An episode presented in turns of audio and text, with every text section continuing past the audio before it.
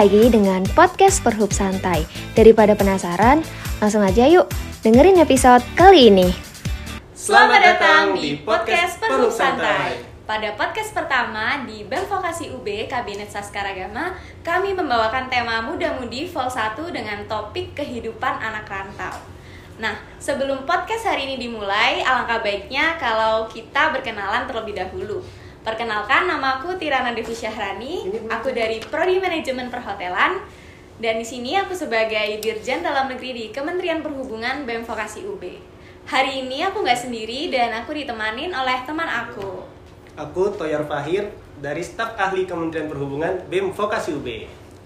Oke, karena kami sebagai host podcast sudah memperkenalkan diri, gimana kalau teman-teman di sini perkenalan juga sama teman-teman narasumber yang cantik dan tampan yang satu ini?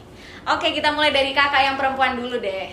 Oke, halo semuanya. Kenalin, aku Ilma dari Administrasi Bisnis angkatan 2021. Em, aku asal kotanya dari Bekasi, yang kota planet lain itu katanya. Oke, dari planet lain ya teman-teman katanya. Nah, karena Kak Ilmanya udah berkenalan, gimana kalau kita kenalan juga nih sama kakak yang tampan ini? Oke, jadi eh, namaku Zuhdi, aku dari Fakultas Hukum, eh, angkatan 2021, asalku dari Jakarta. Salam kenal semuanya. Oke, salam kenal juga buat Kak Ilma dan Kak Zuhdi. Nah, ternyata dua narasumber kami pada hari ini berbeda ya. Ada yang dari teman-teman vokasi dan ada juga yang dari Dari- teman-teman FH. Nah, selanjutnya gimana nih Toyar? Kakak-kakak ini kan pasti mahasiswa kan. Nah, kalau boleh tahu sekarang kegiatannya apa sih sebagai mahasiswa? Untuk Kak Ilma dulu coba. Oke, kalau misalnya untuk aku mungkin eh, lagi sibuk organisasi sama kuliah aja sih. Apalagi sekarang udah mau eh, UAS, terus banyak proker-proker yang harus running juga. Jadi ya lumayan padat lah jadwalnya gitu. Hmm. Kalau Kak ini? Nah, kalau aku sendiri sebenarnya nggak jauh beda ya dari Ilma sendiri. Aku juga eh, organisasi apa namanya eh, fokus di kuliah juga karena bentar lagi aku uas sama aku lagi eh, asik lagi baca-baca soal sejarah aja sih kalau aku gitu. Oke. Nah, karena dua kakak ini berbeda juga ya prodinya. Nah, aku pengen tahu sih gimana caranya kakak-kakak ini survive di kota rantau. Versi Kak Zudi terlebih dahulu, khususnya mungkin sebagai anak FH juga, apalagi kakak ini juga double organisasi ya. Oh, iya. Nah, gimana sih cara survive-nya di kota rantau kayak Malang ini gitu? Oke, jadi eh, aku intermezzo dikit nggak apa-apa ya. Iya, jadi sebelum sebenarnya kalau eh, feelku sebagai anak rantau itu bukan di Malang sebenarnya. Pertama itu aku di Bandung justru. Karena waktu SMP SMA aku ditaruh di eh, pesantren sama orang tua aku. Nah itu yang benar-benar aku ngerasain itu aku ini cerita aja ya nggak apa-apa. Iya. Lima hari itu aku nangis karena aku sebenarnya anak tunggal. Aku anak tunggal dari keluarga aku. Aku lima hari pertama waktu kelas 7 tuh nangis. Nah jadi sebenarnya pas udah SMA kan kita nih waktu itu sempet eh, parahnya pandemi ya jadi aku waktu di rumah tuh bener-bener ngerasa nggak betah banget aku pokoknya udah mutusin lah kalau kuliah nih harus jauh dari rumah sampai akhirnya aku wah Bismillah lah di Malang Alhamdulillah keterima kan nah setelah itu baru aku eh, tinggal survive aja. Cuman memang kalau untuk makan cuci itu kan udah nggak ditanggung lagi. Itu bener-bener eh, aku survive. Cuman kalau sebagai tadi yang hukum ya Iya. kalau untuk poin ke arah hukumnya sendiri eh, ini murni pelajaran yang baru bagi aku. Karena eh, di SMP di SMA aku nggak pernah dapet ya. Aku pelajari dikit-dikit apa yang aku suka itu yang aku maksimalkan perlahan-perlahan aku mulai dapat banyak teman nah dari situ kita kadang suka bertukar pikiran gitu aja sih kalau eh, apa namanya feel aku waktu jadi anak rantau Oke, jadi uh, sebenarnya feel pertamanya itu dari dulu ikut pesantren itu ya, Iya, benar. baru kemudian Di- di Malang. iya. Oke, kalau dari Kak Ilma sendiri nih, apalagi sekarang kan juga sebagai Menteri Sosma yang suka survei ya ke mana-mana, Iya. ada survei abdi desa, ada survei fosfor dan itulah macam-macam pokoknya. Gimana nih cara survive-nya gitu? Oke, karena aku berbeda sama Kak Zudi, aku baru pertama kali merantau di Malang ini. Jadi cukup kaget ya karena harus mandiri, dipaksa mandiri lah istilahnya seperti itu. Gitu. Terus eh, banyak survei-survei juga jadi banyak ketemu teman-teman yang lain. Itu sih enaknya anak rantau gitu dan gak dikekang sama orang tua. Itu juga eh, poin plusnya ya bisa dibilang. Karena kalau misalnya organisasi tapi dikekang orang tua rada apa ya? berdampak juga ke organisasinya gitu sih kalau aku. Jadi kayak ya lebih ada nafas lega gitu Iya, ya bisa berada di dibilang. kehidupan rantau ini gitu. Iya kak, aku kan juga anak rantau nih kayak. Nah itu aku kadang eh, susah, aku tuh kadang bingung kalau akhir bulan kan ya uang sedikit nih. Kalau versi kakak nih gimana caranya memanage uang itu kalau udah di akhir bulan? Oke, mungkin dari aku dulu ya. Iya dari Kak Ilma dulu. Oke, kalau misalnya aku di awal juga sih harus di apa ya, ditentuin pengeluarannya berapa. Jadi emang udah ada list pengeluarannya. Jadi di akhir bulan tuh kalian nggak yang bingung mau ngapain, terus uangnya tuh udah habis duluan gitu. Jadi emang udah disusun dari eh, apa namanya awal. Jadi awal kayak kalian megang uang, kalian udah eh, alokasiin uang itu buat ke mana aja. Jadi akhir bulan kalian nggak bingung mau ngapain gitu, nggak ada uang dan lain-lain gitu sih kalau dari aku. Jadi dibikin list gitu ya kak? Iya, bisa dibikin list gitu. Biar tuh biar nggak ke mana-mana Hmm, kayak ditabung dan lain-lain gitu. Itu emang udah harus harus ada listnya gitu. Jadi nggak bingung nantinya. Kalau dari Kak Judi gimana nih? Nah, menarik nih. Jadi eh, kalau Ilma tadi eh, lebih terstruktur ya, lebih terstruktur, lebih rapi dia pembagiannya. Kalau aku emang aku potong di awal. Jadi ini yang buat tabungan, ini yang aku habisin. Cuman lucunya itu pas aku bulan puasa kemarin. Jadi aku sama teman-teman di fakultasku ya. Itu waktu buka puasa kita keliling ke masjid-masjid. Yang paling lucu dia tuh cerita waktu kita ke Masjid UB Raden Patah ya. Kita datang ini ada kajian. Kita telat banget datang mepet-mepet maghrib. Pokoknya udah anak-anak gak mau kajian maunya makan doang. Nggak tahu nih di sana nggak dapat kurma jadi cuma yang ikut kajian yang dapat aduh akhirnya kita keliling pindah masjid yang biasanya dapat banyak. Nggak dapat juga. Aduh itu hari hari itu bener-bener nggak dapat akhirnya kita nemu satu masjid yang makanan enak apa segala macam. Jadi sholat apa ke masjidnya gara-gara makanan itu anak-anak yang lain. Nah aduh, jangan dicontoh tapi ya. Itu gak baik. Nah cuman kalau misalnya di luar bulan Ramadan ya gitu apa apa namanya mungkin awal gajian apa awal dapat uang makannya McD apa segala macam giliran udah ini warteg warteg aja nih ada di Malang gitu.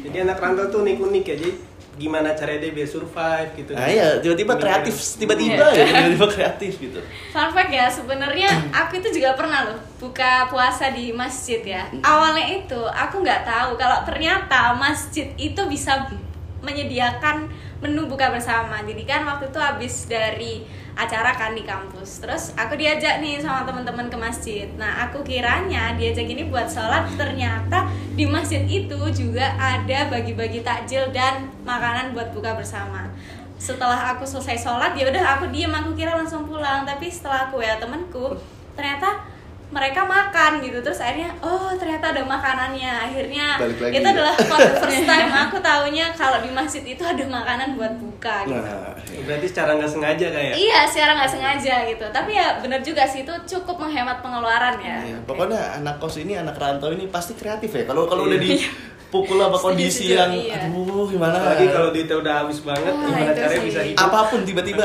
ada Iya, aja iya benar-benar sih. Oke, mungkin kan eh, Kak Ilma sama Kak Zudi ini kan juga anak rantau yang di daerah Jabodetabek ya itu cukup jauh ya dari Malang Iya, kan. benar. Nah, gimana sih caranya meyakinkan orang tua? eh, aku pengen kuliah di Malang, pengen kuliah di UB gitu. Mungkin pertama dari Kak Zudi ya, apalagi kan FH itu kan banyak ya ada FH UI, ada FH UB, ada FH UNER. Kenapa kok di FH UB gitu dan gimana cara meyakinkan orang tuanya? Oke, jadi balik lagi ke yang sebelumnya ya sebenarnya alasannya tuh nggak jauh beda. Aku tuh nggak betah banget kalau misalnya di rumah, aku nggak nggak betah banget kalau deket sama orang tua. Karena sebenarnya bukan bukan karena apa, bukan karena aku pengen bebas apa, tapi terbiasa dari SMP itu loh. Jadi di dalam diriku tuh nggak nggak enak gitu. Sampai akhirnya uh, aku mikir mana kemungkinan yang paling besar waktu kita ujian tuh bisa. uh, aku sebenarnya kalau di UI udah pesimis duluan, jujur aja. Aku di UI udah pesimis duluan. Nah, cuman uh, apa namanya kalau di Unpad uh, aku udah capek lah di Bandung 6 tahun. Aku pengen survei pengen cari pengalaman yang baru yang benar-benar kayak wah ini loh baru buat aku. Maka Malang ini yang aku jadiin yakinin ke orang tuaku. Juga akhirnya uh, orang tuaku nerima asal uh, kamu tetap uh, uh, jangan macam-macam apa segala macam gitu sih kalau aku. Oke, jadi juga ya orang tua tuh yang penting percaya gitu ya Iya, sama benar. anaknya. Oke, kalau dari Kak Ilma sendiri nih anak administrasi bisnis Fun fact, aku tuh nggak dibolehin keluar uh, jauh-jauh dari uh, Bandung atau Jakarta. Uh, tapi aku meyakinkan sama bapakku untuk aku tuh bisa sebenarnya kuliah di lu- uh, luar Jakarta atau luar Bandung dan lain-lain gitu. Dan aku tuh meyakininnya yang emang uh, aku lo bisa, terus ada abangku juga gitu. Nah kebetulan nih abangku menjadi penguat uh, opiniku gitu, argumenku. Jadi uh, ya udah makin dibolehin buat uh, keluar di luar Malang. Eh di luar Malang sih di luar Jakarta gitu Ya sebenarnya juga mungkin itu salah satu tips ya. Pokoknya kita tuh gimana sih caranya bisa membangun kepercayaan juga kan sama orang tua kita Iya. gitu. Terutama perempuan biasanya yang Iya, apalagi Hmm, perempuan. setuju setuju Iya. tapi emang masih kadang tuh mama suka nelpon jangan pulang malam-malam jangan pulang malam-malam gitu Sebenarnya orang tua ya iya, pasti Iya. sih. Aku tuh juga ya awalnya juga nggak boleh gitu kan kayak pulangnya malam-malam apalagi ya kan aku anak bungsu ya anak Hmm. bungsu apalagi cewek gitu kan terus juga eh, kayak nggak boleh awalnya pulang malam tapi suatu hari gitu aku kayak orang tua aku tuh bilang ya tapi nanti kamu kalau pulangnya malam gimana berarti kan orang tua aku udah paham tuh Iya. kalau aku tuh mungkin ya pulang malam itu ada ya ada nggak kelayapan nggak jelas gitu Hmm. tapi ada tujuan yang mungkin rapat sama teman-teman gitu. Jadi pokoknya menjaga kepercayaan orang tua aja sih benar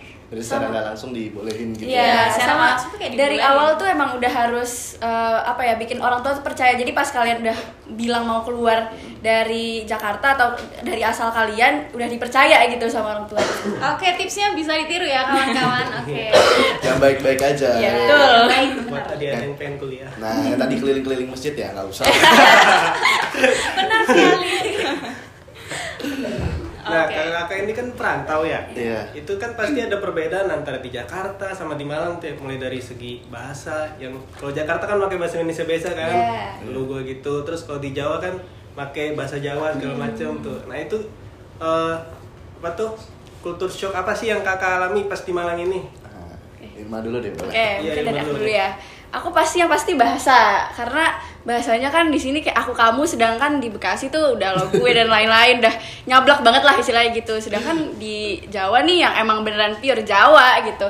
Terus aku kan di sini udah 8 bulan. Jadi ke bawah aja buat Jawanya itu. Jadi mengikuti uh, kultur di uh, Jawanya juga di Malangnya gitu. Jadi mungkin yang paling apa ya uh, paling culture- shock itu bahasanya gitu sih kalau aku iya bahasanya karena susah menyesuaikan awalnya gitu Aku juga kadang nggak ngerti kan. Jadi aku beli ini nih, dia ngomong pakai bahasa Jawa. Hmm, Terus iya. aku selalu bilang e, saya nggak ngerti. Iya. Kan sama dia diulangin lagi. Ada yang pedagang sampai marah-marah kan gara-gara aku nggak ngerti.